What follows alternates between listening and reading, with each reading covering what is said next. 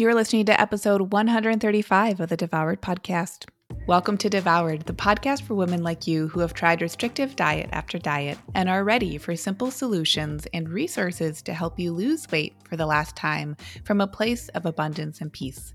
If you're looking to end the yo yo of comfort eating and rigid weight loss protocols and instead step into living your life on your terms while losing weight in the process, you're in the right place. My party people. It is snowing outside here in Portland, Oregon. This did not happen last year, but it did happen the year before. And those are the only other two years of my adult life that I can compare this snow to other snows in Portland, Oregon. But it's super fluffy and pretty. And I, for one, am enjoying the snow from the inside because your girl is cold. But I think I might go give the dog a walk just around the block to reminisce about snow because it's been a little bit. Today, we're talking about the habit honeymoon, which is a concept I came up with when I was writing out different ideas for this podcast and different takeaways that I've noticed from coaching programs over the years. And whenever I'm in a coaching program myself, which I love to be in because I think coaches who do get coaching are some really cool people. What I notice is that it takes a very skilled coach to support their clients through this phase of the habit honeymoon. And I think the habit honeymoon is is has similar vibes to portions of the dieting cycle. And what I mean by that is if you've learned about the dieting cycle before, if you've listened to me talk about it on the podcast before, you know that the dieting cycle has some different phases. And one of the initial phases of the dieting cycle is this euphoria with the idea of whatever diet we might be starting. And remember, a diet can be tangible, like literally, like, oh, I'm going to do X, Y, and Z diet where I eat this remove this way, blah, blah, blah. Or a diet can also be a way of thinking that is reductionistic and the reason that it can become a cycle when we're uh, dieting, either in that tangible or less tangible way, is because that one of the first and initial phases of the diet is that euphoric experience of making a decision, following through with a decision, and noticing changes. Initially, we feel really proud of ourselves when we decide to do a diet and we stick to it and we're following through on it and when it's a tangible diet, like a, a, food and nutrition diet, often those diets are supporting real unprocessed foods. We maybe have reduced our sugar intake or our flour intake or refined oil intake or we're reducing our alcohol intake. So, oftentimes, it's a two parter with a dieting cycle because we both have decided to commit to show up to ourselves, to follow through on a goal. It feels different than the last time. And we also experience some euphoria from a physiological standpoint and we do tend to feel better overall when we are consuming primarily foods that are more whole and unprocessed. We have that truth of being in human bodies that evolved to eat certain foods.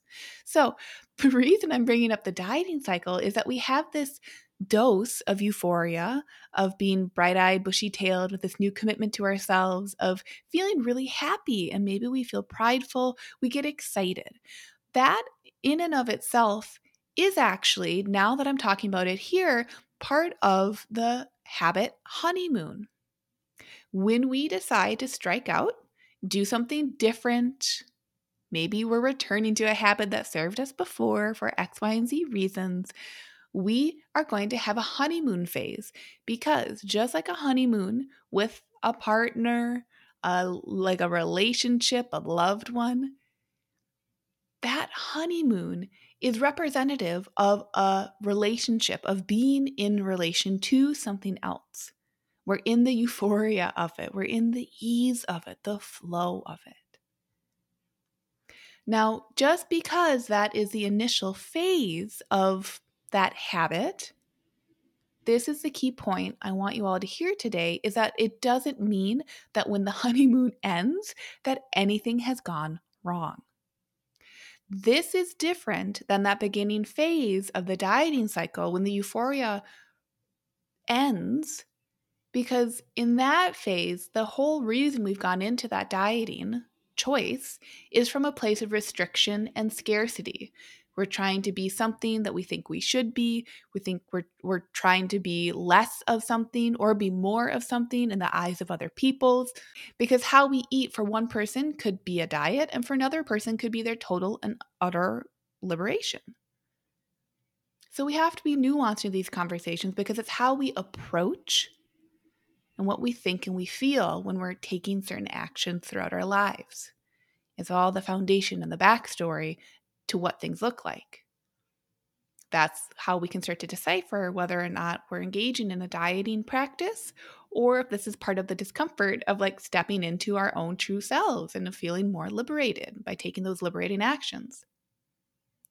So, for the honeymoon habit, what I notice is that oftentimes when we start something new, even and especially when it's in support of our most liberated self, we can start to confuse it with a diet.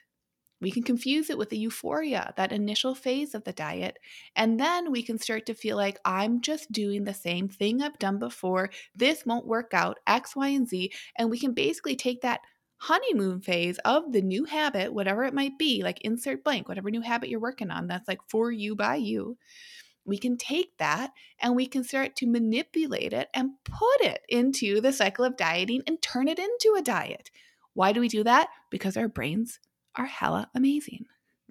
And how we do one thing is how we do a lot of other things. So when we're trying to do this new thing that is for us by us, we can almost it's almost a phase of uh, uh, it's almost like a hint of self-sabotage except it isn't because all it is is us doing something in the way we've done it before i want you all to know right now because this is releasing like end of january and we've had weeks of dieting messages being thrown on us especially with additional stressors like that insurrection and the uh, inauguration which was amazing but also there's stress around that as well we're in some of the worst times of the pandemic and total deaths every single day.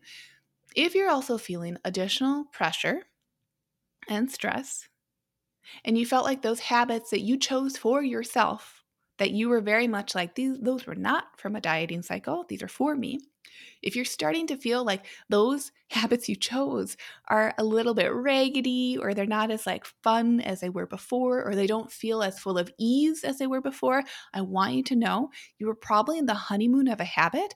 Nothing has gone wrong, and all you need to do is come back into yourself, take a beat, take a couple breaths and ask yourself, "Wait, why did I start that habit in the first place?"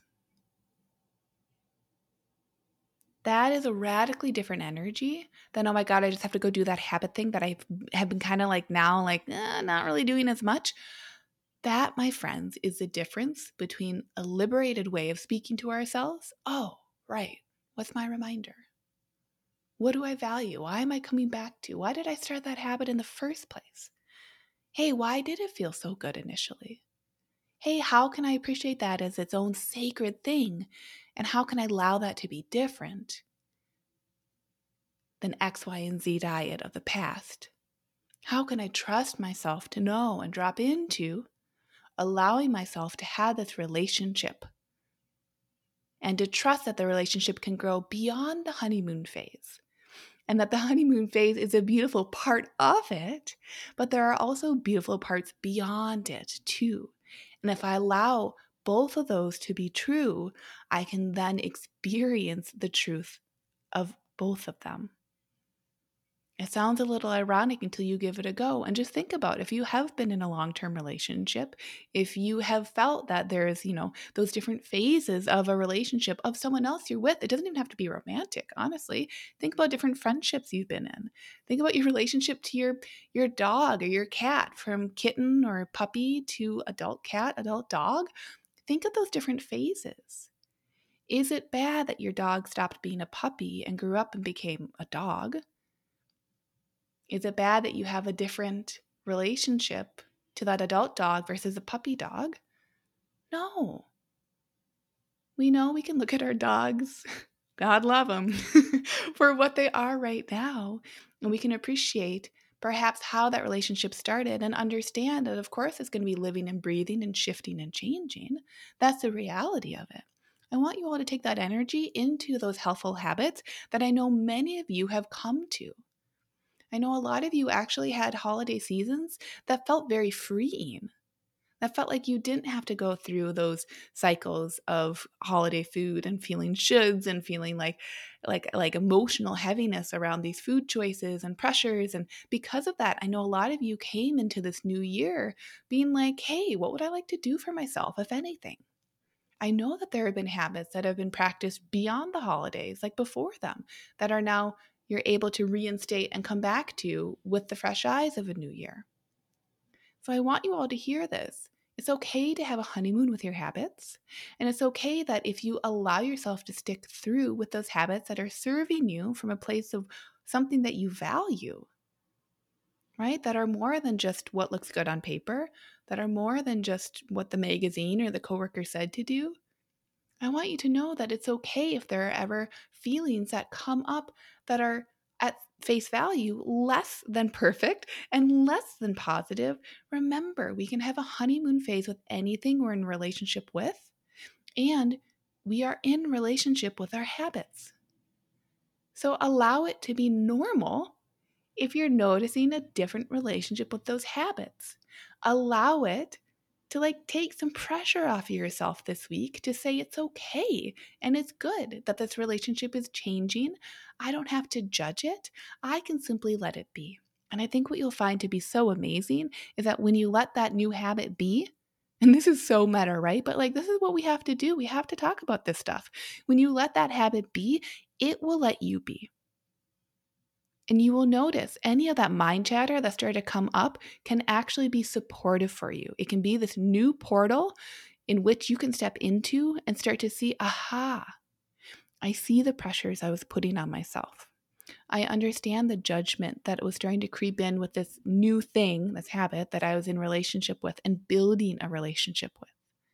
If you would like those thoughts and feelings to be yours, of feeling the capacity to be with and be in relationship to your habits, that is 100% available to you right now. It's available to you today. You are able to be that person today. It's not one more thing on the to do list either, it simply is. You're already being you. You are already 100% complete and whole. You and your only job, if you would so like, is to be more of yourself. And I do hope that the honeymoon phase of any habit that you've been engaging with is here to serve you, just like the phase before it and the phase after it, because we all know. We all know in one relationship or another the beauty that comes from open communication and open support. So I hope you allow your habits to support you this week, and I hope you allow yourself to support your habits too. Thanks for listening. I'll see you on the next episode. Did you know you can find more support from me on my website? Go to Lucia Hawley, L U C I A H A W L E Y dot com to connect.